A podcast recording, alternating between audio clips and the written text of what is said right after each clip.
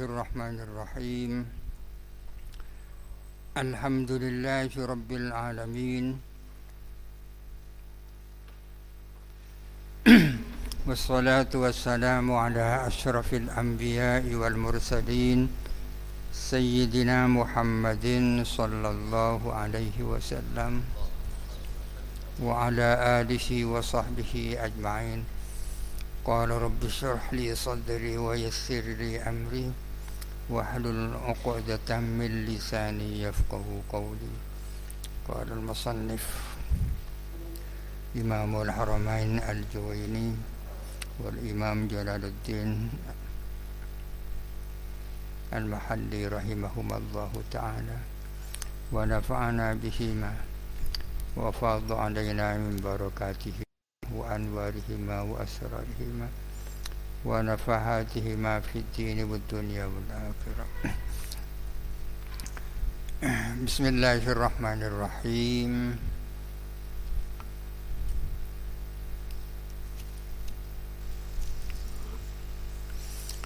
بسم الله الرحمن الرحيم. والمقيد بالصفة yuhmalu alal mutlaqi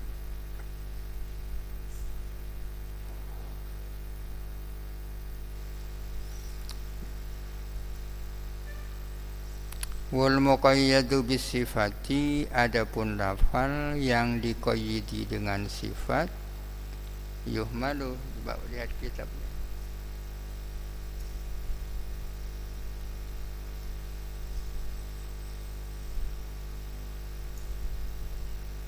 yuhmalu alaihi al mutlaqu ya.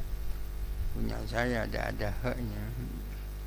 Yuhmalu ialah dibawa alaihi atas al muqayyad al mutlaqu apa lafal mutlak. Karrokobati seperti lafal ar-rokobah maknanya budak kuyidat dikoyidi apa rokobah dikayyidi bil imani dengan iman fi ba'dil mawadi'i di dalam sebagian tempat kama fi kafaratil qatli seperti yang ada di dalam kafaratnya pembunuhan wa utriqat dan dimutlakkan apa ar-raqabah fi ba'dil mawadi'i di dalam sebagian tempat kama fi kafaratiz zihari seperti di dalam kafaratnya zihar jadi sekarang sedang berbicara tentang lafal mutlak dan muqayyad. Lafal itu ada kalanya mutlak ada kalanya muqayyad. Muqayyad artinya yang dikoyidi mutlak artinya yang lepas dari qayyid Rajulun itu mutlak. Rajulun alimun itu muqayyad. Rajulun seorang laki-laki Rajulun alimun seorang laki-laki yang alim. Yang pertama itu mutlak Yang kedua itu muqayyad. Yang kedua dikoyidi dengan alimun yang alim. Ini yang dimaksud lafal yang dikoyidi dengan sifat rojulun alimun Contohnya di dalam Al-Quran seperti lafal rokobah. Di dalam tempat, di dalam sebagian tempat rokobah itu dikoyidi dengan mukminah, dengan iman Sedangkan di tempat lain itu lepas dari kata mukminah. Di dalam kafarat pembunuhan Allah Ta'ala berfirman wa man qatala mu'minan khata'an fatahriru raqabatin mu'minah.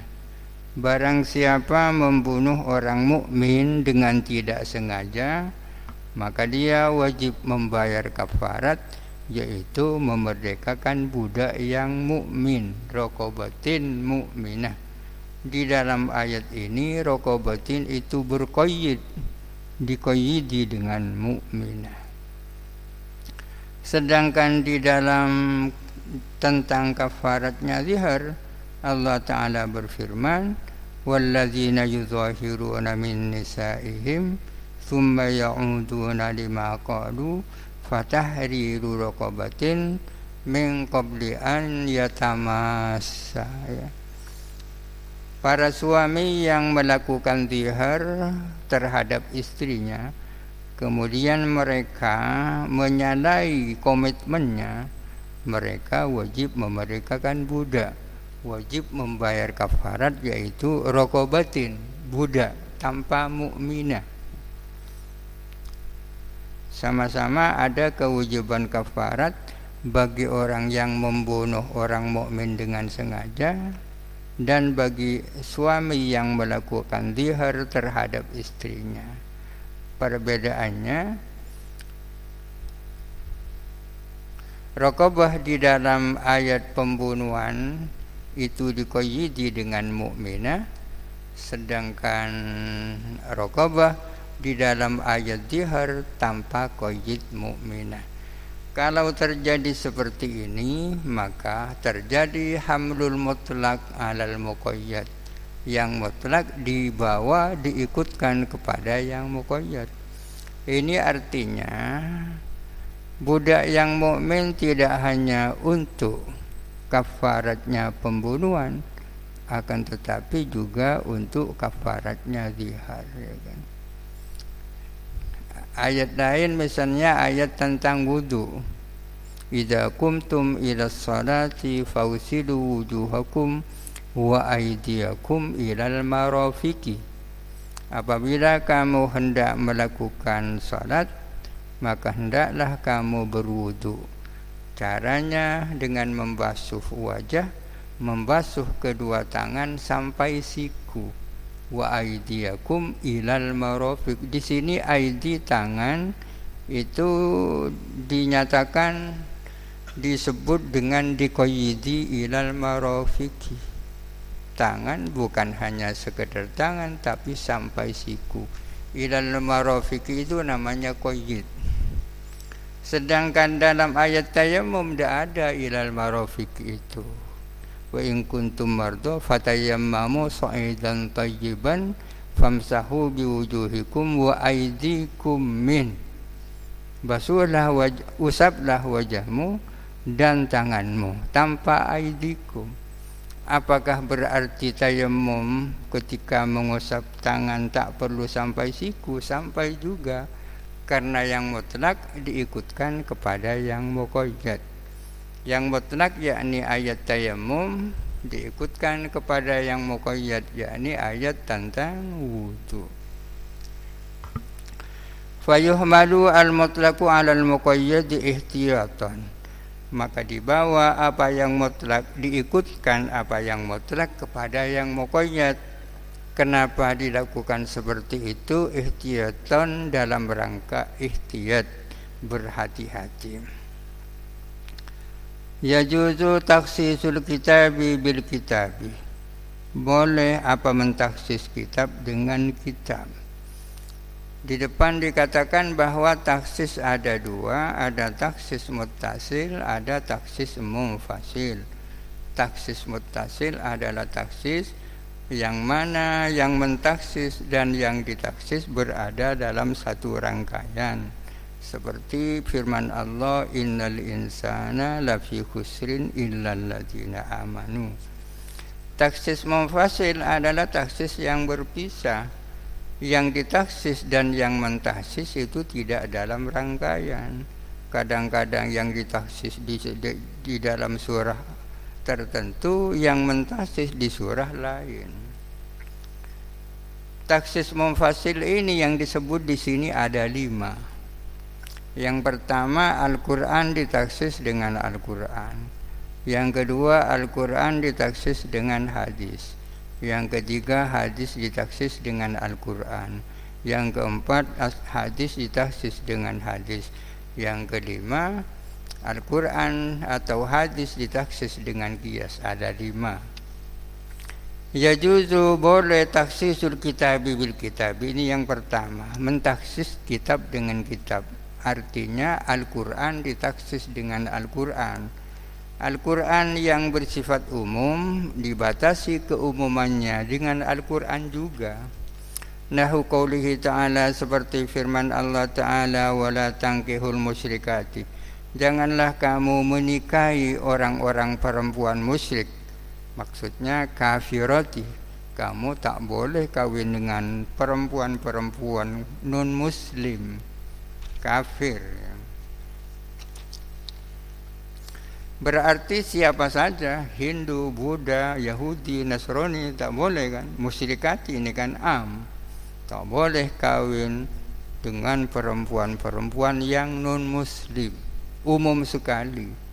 Tapi khusus ditaksis apa firman ini? Bikaulihi ta'ala dengan firman Allah ta'ala Wal muhsanatu minal ladhina utul kitaba min qablikum wal muhsanatu dan perempuan-perempuan merdeka minalladzina utul kitab dari orang-orang dari kalangan orang-orang yang diberikan Alkitab min qablikum sebelum kamu. Orang-orang yang dimaksud orang-orang yang diberikan Alkitab adalah Yahudi dan Nasr dan Nasara Aihillul lakum artinya perempuan-perempuan merdeka dari kalangan Yahudi dan Nasoro itu halal bagimu. Ayat ini mengatakan perempuan Yahudi, perempuan Nasrani halal dikawini umat Islam. Dengan demikian berarti keumuman musyrikati yang ada dalam ayat pertama ditaksis dengan ayat ini. Wa takhsisul kitabi bis sunnati dan boleh juga mentaksis Al-Quran dengan sunnah dengan hadis. Artinya ayat Al-Quran yang bersifat umum dibatasi keumumannya dengan hadis. Kataksisi qaulihi ta'ala seperti mentaksis firman Allah ta'ala yusikumullahu fi awladikum ila akhirih lidzakari mislu hadzil unsayain yusikum berwasiat atau memerintahkan kepadamu. Allahu siapa Allah? Allah Ta'ala berwasiat memerintahkan Allah kepadamu fi awladikum menyangkut anak-anakmu. Awladikum ini am karena awlad ini adalah jama yang dimakrifatkan dengan idhofa anak-anakmu. Umum sekali Kok dikatakan umum as-samili lil waladi al-kafir yang meliputi anak yang kafir. Berdasarkan keumuman awladikum, anak-anak yang kafir pun dapat warisan dari bapak ibunya ya. Akan tetapi ditaksis bi hadis sahihaini dengan hadis riwayat sahihain la yarisu al-muslimu al-kafira walal kafiru al-muslima tidak dapat mewarisi orang muslim kepada orang kafir dan tidak dapat mewarisi orang kafir kepada orang muslim. Orang muslim mati anaknya yang kafir tak dapat warisan. Ya. Orang kafir mati anaknya yang muslim tak dapat warisan. Ini contohnya taksisul kitab bis sunnah. Wa taksisus sunnati bil kitabih dan boleh juga mentaksis sunnah dengan kitab hadis ditaksis dengan Al-Quran. Ada hadis yang bersifat umum Keumumannya dibatasi dengan ayat. Kehadisi Kataksis hadis sahihaini Seperti mentaksis hadis riwayat sahihain La yakbalullahu salata ahadikum Iza ahdatha hatta yatawadda'a. La yakbalullahu tidak menerima siapa Allah Ta'ala salat ahadikum akan salat salah seorang daripadamu. Idza ahdatsah manakala dia berhadas hatta yatawaddu'a sehingga dia berwudu. Artinya kalau salah seorang daripadamu itu hadas kemudian salat salatnya tidak diterima akan diterima kalau dia berwudu. Pokoknya harus berwudu. Tanpa wudu tak diterima. Keumuman hadis ini ditaksis biqaulihi ta'ala dengan firman Allah ta'ala wa in kuntum mardo wa in kuntum jikalau ada kamu mardo itu sakit ila qaulihi sampai pada firman Allah ta'ala panjang ini falam tajidu ma'an fatayammamu. Kemudian kamu tidak mendapatkan air maka hendaklah kamu bertayamum katanya hadis tadi pokoknya harus berwudu tapi ayat ini mengatakan bagi orang yang tidak bisa menggunakan air bisa tayamum maka berarti keumuman hadis tersebut dibatasi dengan ayat Al-Quran ini. Wa in waradat as-sunnati bitayammumi aidan meskipun nyatanya datang apa sunnah dengan menjelaskan tayammum juga tapi ba'da nuzulil ayati sesudah turunnya ayat. Wa tahsisus sunnati bis sunnati ini yang nomor empat ini. Artinya hadis ditaksis dengan hadis. Kataksi si hadis sahihain seperti mentahsis hadis riwayat sahihain, hadis riwayat Bukhari, Al-Bukhari dan Muslim, fima sakat as-sama'u al-usyuru. Fima ialah di dalam sesuatu, yang dimaksud sesuatu ini tanah pertanian, pertanian atau perkebunan. Sakot yang menyiram as-sama'u apa langit, al-usyuru adapun sepersepuluh.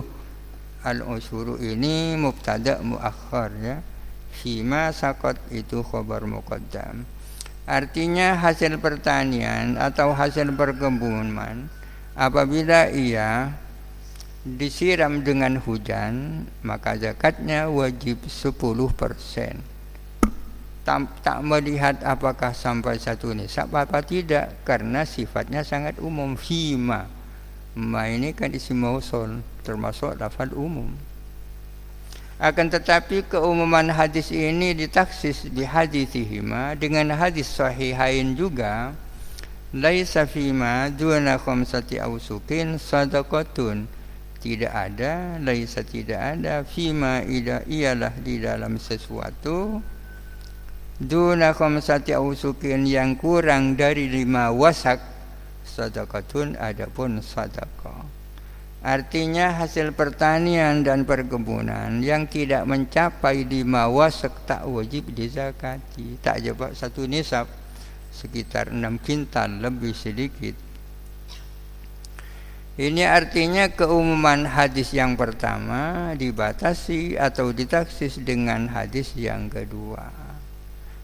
Artinya kalau digabung dua hadis ini hasil pertanian dan perkebunan yang sudah sampai satu nisab apabila disiram dengan hujan zakatnya adalah sepersepuluh itu yang nomor empat wa taksisun nutki bil kiasi ini yang nomor lima. Dan boleh mentaksis nutki dengan kias nutek nutku ditaksis dengan kias Wa na'ni bin nutki qawlahu ta'ala. Wa na'ni dan kami bermaksud bin nutki dengan nutki di sini qawlahu ta'ala kepada firman Allah ta'ala wa qawlan nabi dan sabda nabi sallallahu alaihi wasallam Artinya yang dimaksud dengan nutku di sini adalah firman Allah dan sabdanya Rasulullah. Berarti nas. Istilah lain nutki di sini adalah nas, nas Al-Quran dan nas hadis. Boleh nas Al-Quran dan nas hadis itu ditaksis dengan kias. Kok boleh? Bukankah kias itu logika kan? Kias itu kan logika. Kok bisa membatasi keumuman Al-Quran dan hadis? Ya bisa alasannya li'annal kiasa yastanidu ila nassin karena sesungguhnya kias itu pasti bersandar kepada nas minal kitabi awis sunnati dari dari kitab atau as-sunnah faka'annahu al-mukhassisu maka seolah-olah Al-Quran dan As-Sunnah itulah yang menjadi mukhassis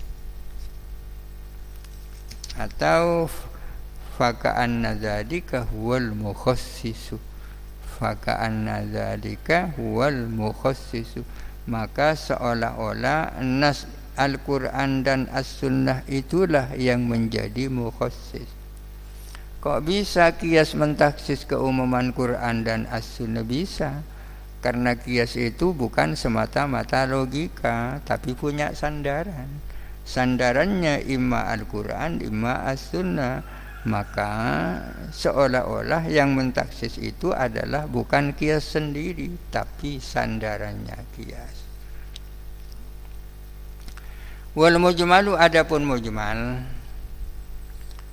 Lafal itu ada dua, ada yang jelas maknanya, yang ada yang tak jelas maknanya. Kalau dalam kitab-kitab madhab Hanafi dibagi dua, ada yang wadih, ada yang gairu wadih. Ada lafal yang jelas maknanya, ada yang tak jelas maknanya. Di sini juga ada dua, ada yang jelas, ada yang tak jelas. Yang jelas itu yang tak jelas namanya mujmal, yang jelas namanya mubayyan. Mujmal itu apa? Wal majmalu adapun mujmal ma adalah lafal yaftakiru ilal bayani yang memerlukan penjelasan. Sesungguhnya ini bukan definisinya mujmal ya kan, tapi definisi sebagai konsekuensi daripada mujmal itu maka memerlukan penjelasan. Mujmal itu maht mahtamala amro ini la maziyata di ahadihima alal akhir itu mujmal. Mahtamala amro ini la maziyata li ahadihima alal akhir itu mujmal.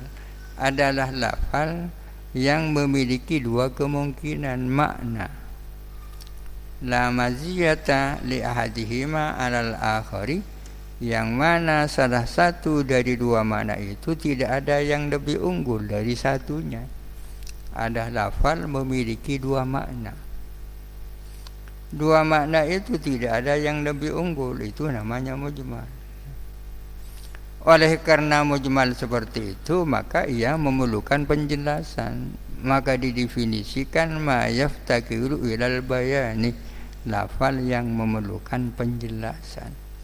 Nahu seperti firman Allah Ta'ala salah satakuru wal mutallaqatu yatarabbasna bi anfusihinna salah satakuru. Perempuan-perempuan yang ditelak oleh suaminya wajib menjalani masa iddah berapa lama? Salah satu kuru, tiga kuru. Apa tiga kuru itu? Kuru inilah yang disebut mujmal. Kenapa mujmal? Fa innahu sesungguhnya lafal kuru yahtamilu al-adhara wal hiyadha memungkinkan bermakna suci dan bermakna haid. Yahtamilu al-adhara wal hiyadha ya. Kuru itu dalam bahasa Arab memang memiliki dua makna, makna suci dan makna haid. Ya kan? Kalau kemudian ada lafal kuru di dalam Al-Quran akan dimaknai yang mana itu? Itulah di situ ada ketidakjelasan. Kenapa lafal kuru tak jelas listirakil kur'i bainal haidi wa tuhri? Karena kemustarokannya kuru antara haid dan tuhur. Kalau pakai ibarat lain li annal qur'a mustarakun bainal haidi wat tuhri. Karena lafal qur'u itu merupakan lafal mustarak ada istilah lafal mustarak lafal yang memiliki makna lebih dari satu. Salah satu contohnya ya qur'u ini. Maknanya haid dan suci. Kemudian dalam Al-Quran itu yang mana? Lalu hilaf para ulama karena sudah mujmal seperti itu memerlukan ijtihad. Kalau sudah melibatkan ijtihad ya rentan terjadinya perbedaan pendapat. Menurut Imam As-Syafi'i salah satu kuru itu tiga kali suci. Menurut Imam Abu Hanifah salah satu kuru tiga kali head. Mujmal adalah lafal yang memerlukan bayan. Bayan itu apa? Wal bayanu adapun bayan ikhrajus syai'i min hayyizil iskali ila hayyizit tajalli.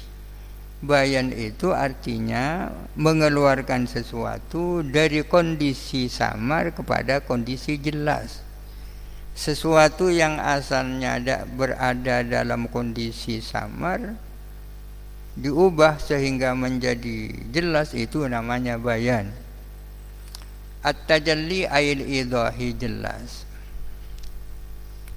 Wan nasu ada pun nas. Tadi dikatakan lafal ada dua, ada yang jelas, ada yang tidak jelas. Yang tidak jelas namanya mujmal. Yang jelas itu ada dua. Yang jelas ada dua, ada yang namanya nas, ada yang namanya zohir. Nas dan zohir ini adalah lafal yang jelas. Tapi tingkat kejelasannya tidak sama. Ada yang jelas ada yang agak jelas. Kalau dibanding enas ini yang jelas zahir itu agak jelas ya kan? Atau zahir itu jelas enas itu lebih jelas ya. wan nasu adapun nas malayah tamilu illa maknan wahidan adalah lafal yang tidak memungkinkan kecuali satu makna artinya apa namanya hanya punya kemungkinan tidak memiliki tidak multi tafsir lah pokoknya Kazaidin seperti lafal Zaidun fi nahwi di dalam semisal aitu Zaidan saya melihat Zaid Zaidan ini namanya nas nama. Akan dimaknai apa lain kalau makna apa yang apa kalau sudah Zaidan? Ya Zaid sudah. Itu Muhammadan. Itu namanya kalau definisi yang lain ma'afada maknan la yahtamilu gairahu adalah lafal yang menunjukkan kepada makna tertentu dan tak mungkin dimaknai yang lain. Itu namanya nas ya kan? namanya nas wakilah dan ada yang mengatakan itu definisinya. Ada versi lain definisinya nas. Wakilah dan ada yang mengatakan bahwa nas itu adalah ma ta'wiluhu tanziluhu. Bagus ini ibaratnya. Ma ta'wiluhu tanziluhu. Nas itu ma adalah lafal, ta'wiluhu yang ada pun tafsirannya, tak takwilannya, tanziluhu adalah diturunkannya. Nas adalah ma adalah lafal takwiluhu yang ada pun takwilannya, penjelasannya, tafsirannya, tanziluhu adalah diturunkannya. Baru artinya itu. Ma takwiluhu tanziluhu. Artinya sesuatu tak yang tak perlu ditakwil, tak perlu ditafsir. Begitu diturunkan langsung, langsung dapat difahami itu namanya. Adalah sesuatu yang takwilannya adalah diturunkannya. Nahu seperti fasiyamu salasati ayamin maka puasa tiga hari. Ya artinya berapa boleh? Ya telu hari ya puasa telu hari. Telu hari itu beni sehari, beni dua hari, beni empat hari ya telu hari itu. Fa innahu bi mujarradi ma yanzilu yufhamu yufhamu ma'nahu.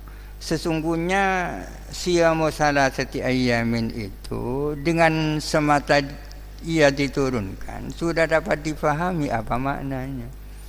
Fa innahu bimujarradi ma yunzalu atau yunazzalu kalau mau diikutkan tanziluh ya. Fa innahu bimujarradi ma yunazzalu yufhamu maknahu.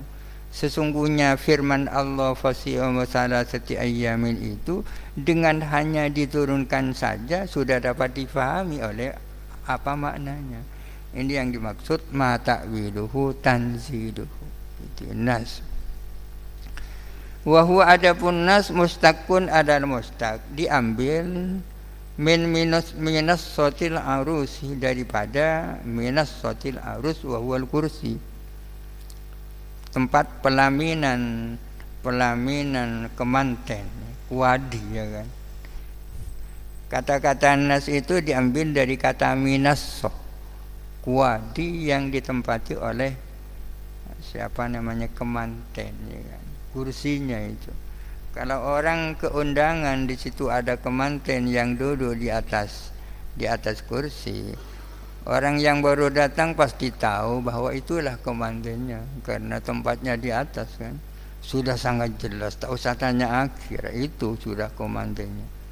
Apa hubungannya dengan nas? Dikatakan, dikatakan nas dirtifaihi ala ghairihi karena lebih tingginya nas ala ghairihi dibandingkan lainnya nas fi fi fi fahmi maknahu di dalam memahami maknanya nas min ghairi tawakkufin tanpa tawakkuf tanpa menunggu yang lain sudah faman lam yajid fasiyamu salasati ayyam barang siapa tak mampu bayar kafarat kafarat itu maka puasa tiga hari ini namanya nas wa zahiru adapun zahir ini kebalikannya nas Kat, kalau dikatakan nas itu jelas, zahir itu agak jelas. Atau zahir itu jelas, nas itu lebih jelas. Wa zahiru adapun lafal zahir ma adalah lafal ihtamala amrayni ahaduhuma azharu minal akhari. Ma adalah lafal ihtamala amrayni yang ihtimal kepada dua hal. Artinya memungkinkan memiliki dua makna ahaduhuma yang adapun salah satu daripada amro ini azharu minal akhari adalah lebih jelas daripada yang lain lafal yang memiliki dua makna tapi salah satunya lebih jelas daripada yang lain lafal memiliki makna dua makna makna A dan makna B tapi makna A lebih jelas daripada makna B itu namanya zahir ini beda dengan mujmal. Mujmal itu adalah lafaz yang memiliki dua makna yang mana salah satunya tidak lebih jelas daripada yang lain. Kal asadi seperti lafal asad fi na fi ra'aitu al yauma asad asadan. Di dalam semisal perkataan doa itu al yauma asadan. Saya melihat hari ini asadan akan asad akan seekor singa. Asad ini memiliki dua makna. Makna singa Dan makna orang yang berani Mana di antara dua makna yang lebih jelas? Ya yang lebih jelas makna singa. Oleh karena itu kalau ketika Kalau kita bertemu dengan lafal asad Ya akan dimaknai dengan makna yang mana?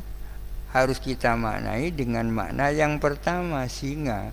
Terkecuali tak mungkin dimaknai singa baru pakai makna yang lain. Fa innahu sesungguhnya lafal asad zahirun fil hayawan dan muftarisi adalah zahir di dalam makna hayawan muftaris hayawan muftaris ya singa itu hayawan yang bermangsa yang punya mangsa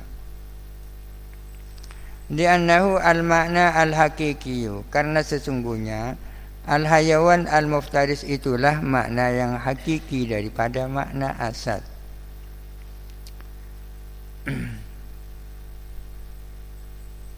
Muhtamilun lirrajulis syuja'i. Ihtimal punya kemungkinan untuk dimaknai laki-laki yang berani badalahu sebagai gantinya hayawan muftaris.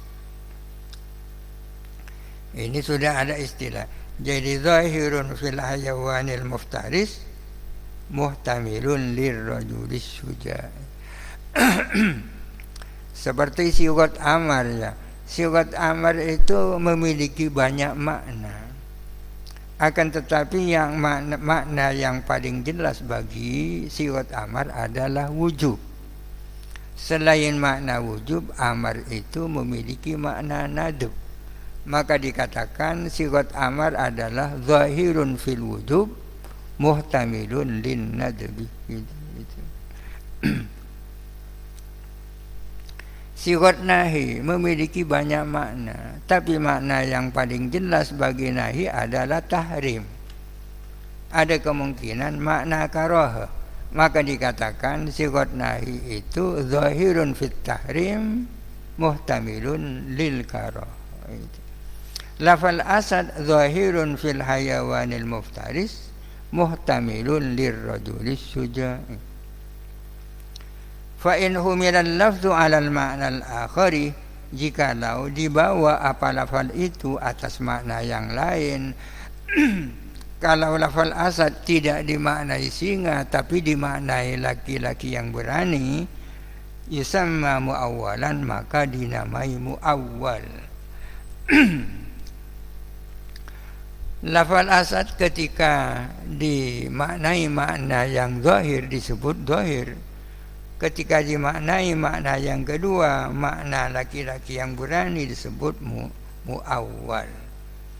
Wa inna ma yu'awwalu bid dalili dan hanya saja ditakwil apa lafal zahir dengan berdasarkan dalil. Tidak boleh sembarangan mentakwil tanpa dalil. Tak boleh memaknai asad dengan laki-laki yang berani kecuali ada dalil. Contohnya dalil itu asadan yusolli fil musalla. Saya melihat seekor asad tadi sholat di musolla kalau seperti itu kata-kata yusolli fil musalla itu menjadi dalil bahwa yang dimaksud dengan asad bukan singa tapi laki-laki yang berani. Kama sebagaimana berkata siapa kemusonib wa yu'awwalu al-zahiru bid-dalili. Dan ditakwil apa lafal zahir dengan dalil. Takwil itu apa takwil itu? Takwil itu memalingkan lafal dari makna primernya kepada makna yang lain.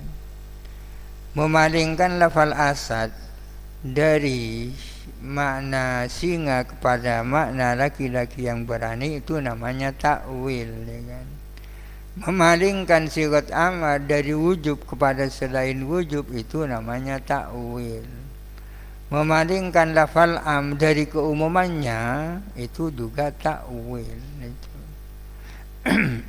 takwil Wisamma zahiran bidalilih dan dinamakan zahir bidalil. Jadi ada zahir, ada zahir bidalil. kama yusamma muawwalan sebagaimana disebut muawwal. Jadi lafal asad ketika dimaknai singa namanya zahir. Ketika dimaknai laki-laki yang berani namanya zahir bidalil atau dinamakan muawwal. Wa minhu dan dialah termasuk lafal zahir Qauluhu ta'ala adapun firman Allah ta'ala was-samaa'a banaynaha bi aidin was-samaa'a asalnya wa, wa baynaina as-samaa'a. Dan kami membangun langit itu. Banainaha yakni kami membangun langit itu. Kami membangun langit itu bi aidin dengan kekuasaan banainaha bi aidi wa inna lamusiun dan kami terus mengembangkan langit itu Lafal aidin ini merupakan bagian daripada lafal zahir. Aidin ini jamak daripada yadun. Zahiruhu adapun zahirnya lafal aidi, jam'u yadin adalah jamaknya lafal yadun yang bermakna tangan. Secara zahir lafal aidi itu adalah jamaknya lafal yadun dan yang ber, yang bermakna tangan. Wa dzalika muhalun fi haqqihi ta'ala adapun hal itu tangan adalah muhal bagi Allah taala. Berhubung makna tangan bagi Allah taala itu muhal fasurifa ila makna al-quwati maka dipalingkan kepada makna kuat berarti biaidin dengan kekuatan dengan kekuasaan. Dipalingkan ini namanya ditakwil. Bidalili al-akli al-qati dengan berdasarkan dalil akli yang qati yang qati yang pasti yang meyakinkan. Sekarang al-af'alu. Af'al ini jama daripada fi'lun perbuatan yang dimaksud af'al di sini adalah af'alun nabi, perbuatan Nabi sallallahu alaihi wasallam. Kita tahu bahwa hadis itu ada tiga, ada hadis kauli, ada hadis fi'li, ada hadis takriri. Kalau menggunakan istilah sunnah, sunnah kauliyah, sunnah fi'liyah, sunnah takririyah. Hadis Nabi itu ada kalanya yang berupa ucapan. Yang berupa ucapan sudah banyak dicontohkan di depan ada yang bukan berupa ucapan tapi berupa perbuatan-perbuatan. Ini yang akan dibicarakan ya kan, perbuatan nabi. Fi'lu sahibis syariati adapun perbuatan sahibis syariah. Maknanya sahibus syariah yang punya syariah yakni an-nabiyya sallallahu alaihi wasallam. Maksudnya kanjeng nabi sallallahu alaihi wasallam. Perbuatan sahibus syariah yakni perbuatan nabi la yakhlu ialah tidak kosong. Imma ayyakuna ada ada kalanya ada apa fi'il ala wajhil kurbati wa ta'ati ialah atas jalan kurbah dan taat. Kurbah ini hal yang mendekatkan diri kepada Allah. Maksudnya berupa amal ibadah ya kan? Ala wajhil kurbati wa ta'ati ada kalanya berupa amal ibadah. Awala yakunu atau tidak ada apa fi'lu sahibus syariah adalah berupa amal ibadah. Jadi perbuatan Nabi itu punya dua kemungkinan kemungkinan yang pertama itu berupa amal amal ibadah yang kemungkinan yang kedua bukan berupa amal ibadah Salat baca Quran itu namanya amal ibadah. Makan minum itu bukan amal ibadah. Fa in kana jikalau ada apa fi'il ala wajhil qurbati itu berupa amal ibadah wa taati maksudnya ala wajhil qurbati wa taati berupa amal ibadah. Bagaimana kalau perbuatan nabi itu berupa amal ibadah? Lalu bagaimana itu? Ini ditafsir fa indalla dalilun jikalau menunjukkan apa dalil. Alal ikhtisas bihi atas ikhtisas. Ini ikhtisas bihi imma ikhtisasin nabi bihi bidzadikal fi'li ya kan atau yang dimaksud ikhtisas dzadikal fi'li bihi dengan nabi. Terserah mau pakai yang mana. Jikalau menunjukkan apa dalil bahwa perbuatan itu khusus Nabi ya paling gampang ini sudah.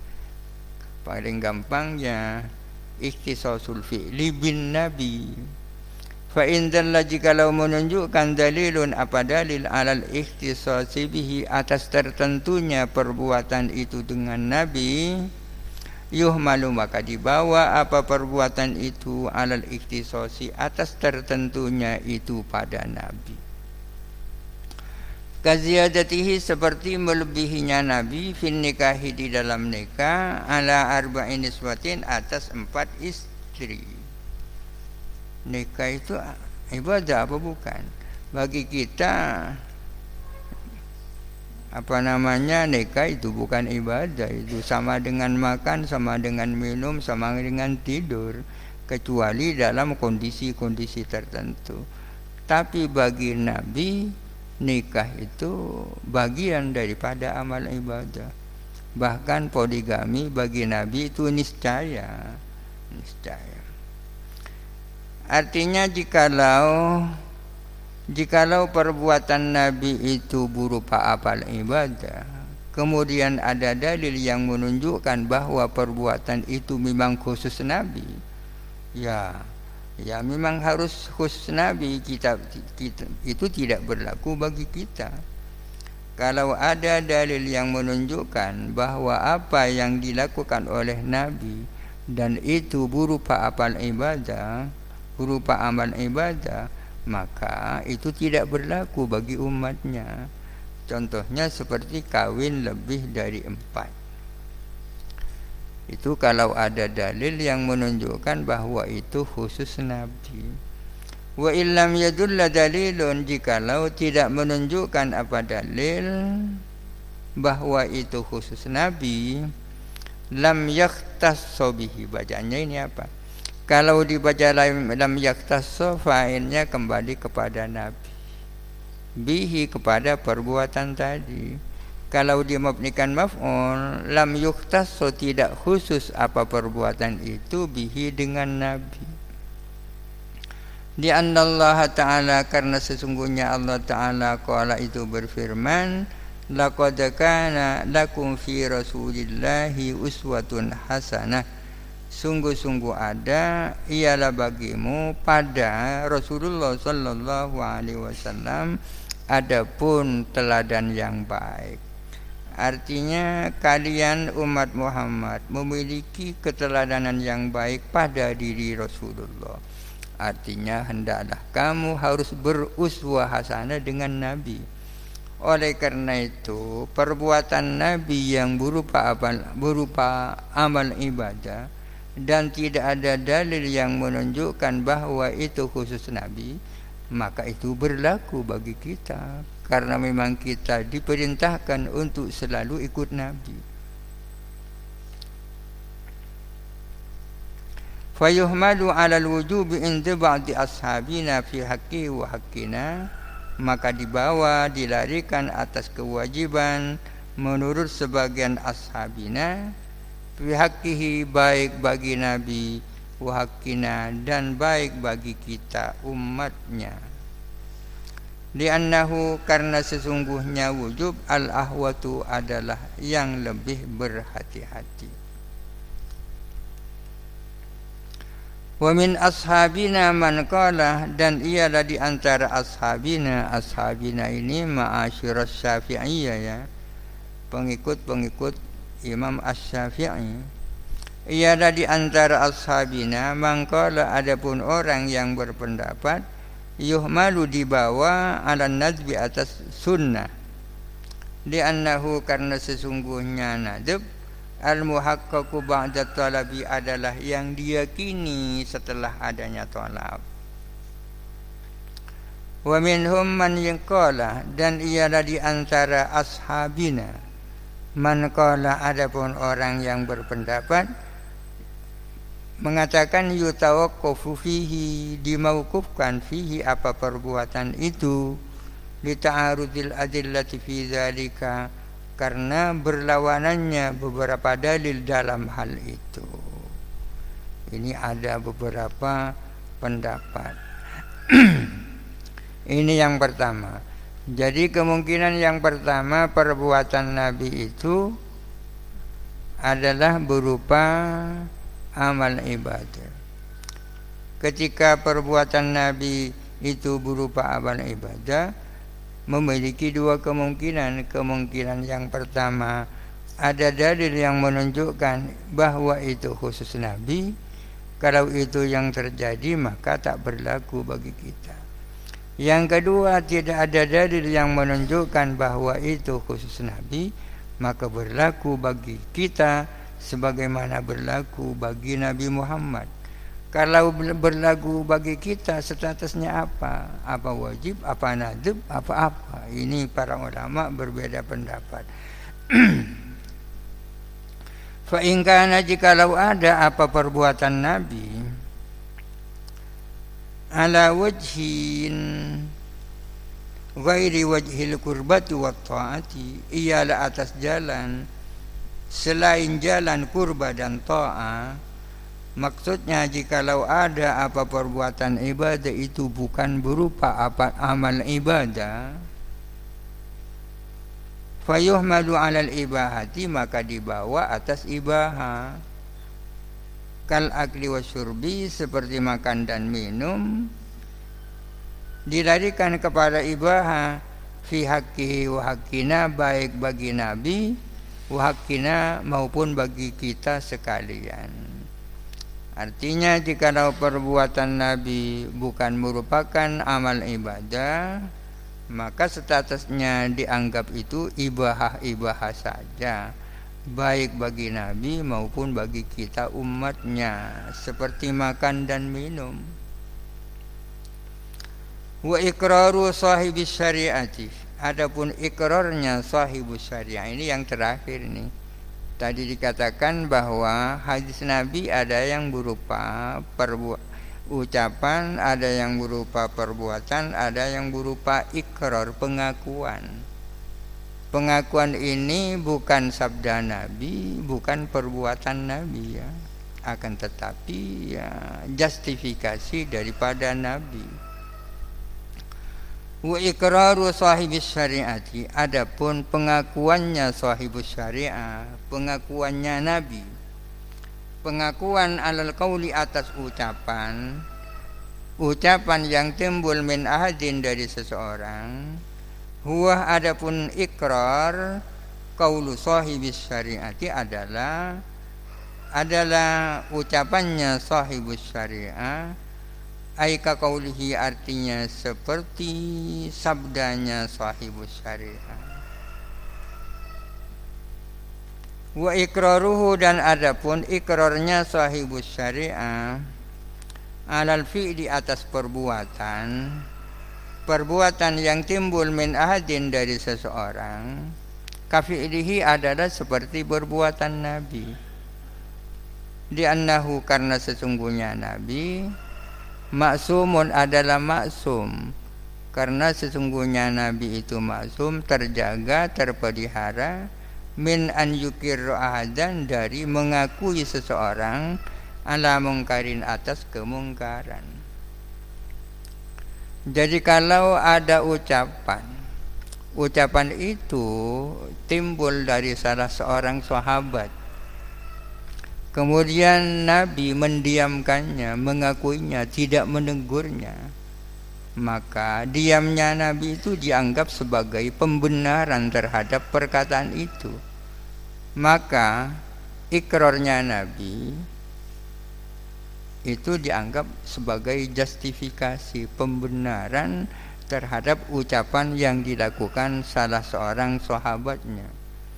Demikian pula kalau ada perbuatan bukan Nabi yang melakukannya tapi salah seorang sahabat akan tetapi tidak ditegur oleh Nabi, dibiarkan saja, diakui saja. Maka itu dianggap sebagai pembenaran terhadap perbuatan itu. Dengan demikian ucapan sahabat dianggap sama dengan statusnya, dianggap seperti sabdanya Nabi dan perbuatan sahabat itu dianggap sebagai perbuatan Nabi karena Nabi sebagai orang yang maksum terjaga dari kesalahan tak mungkin dia diam terhadap suatu kemungkaran selain Nabi tak bisa jadi dalil. Misalnya ada orang melakukan suatu perbuatan di hadapan Imam Syafi'i. Imam Syafi'i diam saja. Tidak berarti itu boleh ya kan? Karena Imam Syafi'i bukan nabi demikian pula kiai apalagi hanya kiai. Itu boleh itu pernah dilakukan orang di hadapan kiai kiainya diam saja. Bukan berarti boleh bukan nabi itu. Misalnya zalika adapun contohnya hal itu Ikraruhu adalah pengakuan Nabi sallallahu alaihi wasallam Abu Bakrin kepada Abu Bakar As-Siddiq pengakuan Nabi ala qaulihi atas perkataan Abu Bakar yang isinya bi'ta'i salabil qatili liqatilihi untuk memberikan salabnya orang yang terbunuh kotil yang terbunuh diberikan likotilihi kepada pembunuhnya kotil kotil ikut wazan fa'il kotil ikut ikut wazan fa'il. Kotil yang membunuh kotil yang terbunuh Sayyidina Abu Bakar pernah mengatakan bahwa salabnya orang yang terbunuh hendaknya diberikan kepada yang membunuh. Di dalam suatu peperangan seorang muslim yang juga yang tak lain adalah tentara berhasil membunuh musuh.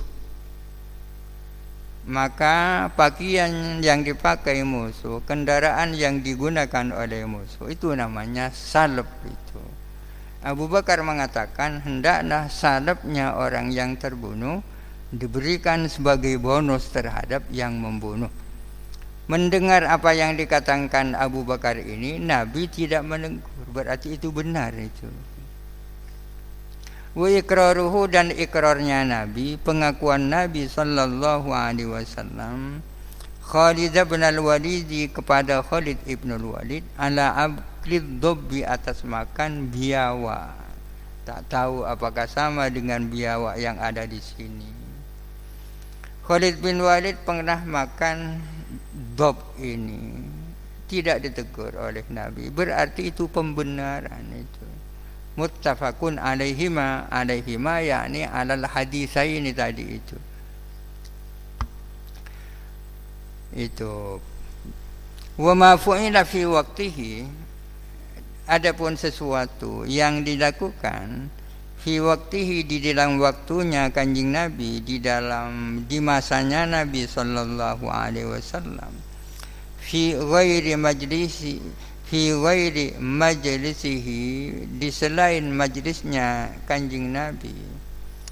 Wa alima dan mengetahui siapa Nabi bihi dengan emma walam yungkirhu dan tidak ingkar Nabi hu kepada emma fahukmuhu maka adapun hukumnya ma hukmu ma adalah seperti hukumnya sesuatu. Fu'ila fi majlisihi yang dilakukan apa ma fi majlisihi di dalam majlisnya kanjing Nabi. Di depan itu apa yang diucapkan Abu Bakar, apa yang dilakukan oleh Khalid bin Walid itu diketahui langsung oleh kanjing Nabi. Bagaimana kalau yang dilakukan oleh salah seorang sahabat itu bukan di hadapan Nabi tapi di tempat lain? Sama saja asal Nabi tahu dan Nabi tidak mengingkarinya. Suatu perbuatan yang dilakukan di zaman Nabi tapi dilakukan di tempat lain, namun Nabi tahu dan Nabi tidak mengingkarinya, maka status hukumnya sama dengan apa yang dilakukan di hadapan Nabi. Contohnya keilmihi bihalafi Abi Bakrin seperti tahunya kanjeng Nabi tahu tentang bersumpahnya Abu Bakar. Sumpah apa Abu Bakar annahu bersumpah bahwa sesungguhnya Abu Bakar tidak akan makan makanan fi waktu ghairihi di saat dia sedang marah. Abu Bakar pernah bersumpah bahwa ia tidak akan makan sesuatu apa pun pada saat dia marah. Summa akalah kemudian beliau makan. Lima lama ro'a al akra khairan ketika ia tahu bahwa makan itu lebih baik. Al akra itu, itu maf'ul awal, khairan itu maf'ul sani daripada ro'a. Karena ro'a di sini bukan ro'a basaria tapi bukan ru'ya basaria tapi ru'ya ilmiah melihat artinya tahu artinya melanggar sumpah itu belum tentu jelek kadang-kadang lebih baik melanggar sumpah daripada berkomitmen dengan sumpahnya. Kalau seseorang bersumpah demi Allah saya mulai sekarang tidak mau bersedekah kepada tetangga yang goblok itu. Sumpah yang seperti ini lebih baik dilanggar ya kan? Lebih baik dilanggar. Tapi konsekuensinya bayar kafarah demikian pula Abu Bakar pernah bersumpah tidak mau makan di saat marah. Tapi ketika dia melihat bahwa melanggar sumpah lebih baik dia makan meskipun dalam, dalam saat marah. Itu diketahui oleh Nabi dan tidak ditegur oleh Nabi. Berarti apa yang dilakukan Abu Bakar itu benar. Kama yukhadhu min hadisi muslimin fil at'imati sebagaimana diambil dari hadisnya Imam Muslim di dalam bab at'imah An-nashu wallahu alam al-fatihah